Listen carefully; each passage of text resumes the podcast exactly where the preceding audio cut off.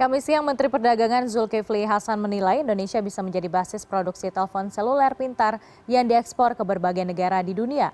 Hal ini terlihat dari pencapaian produksi salah satu perusahaan ponsel pintar yang berhasil mengekspor 8 juta unit ke berbagai negara sejak 2018.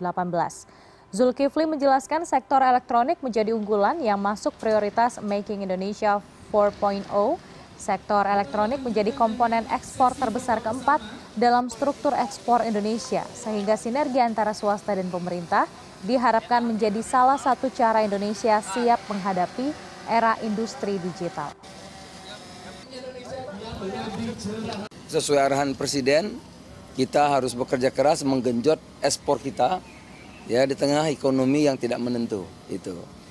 Nah, kita bersyukur walaupun uh, pandemi belum sepenuhnya pulih, sekarang ditambah Rusia Ukraina, IMF meramalkan kita akan resesi. Sekarang 28 negara masuk pasien IMF, kita masih tumbuh.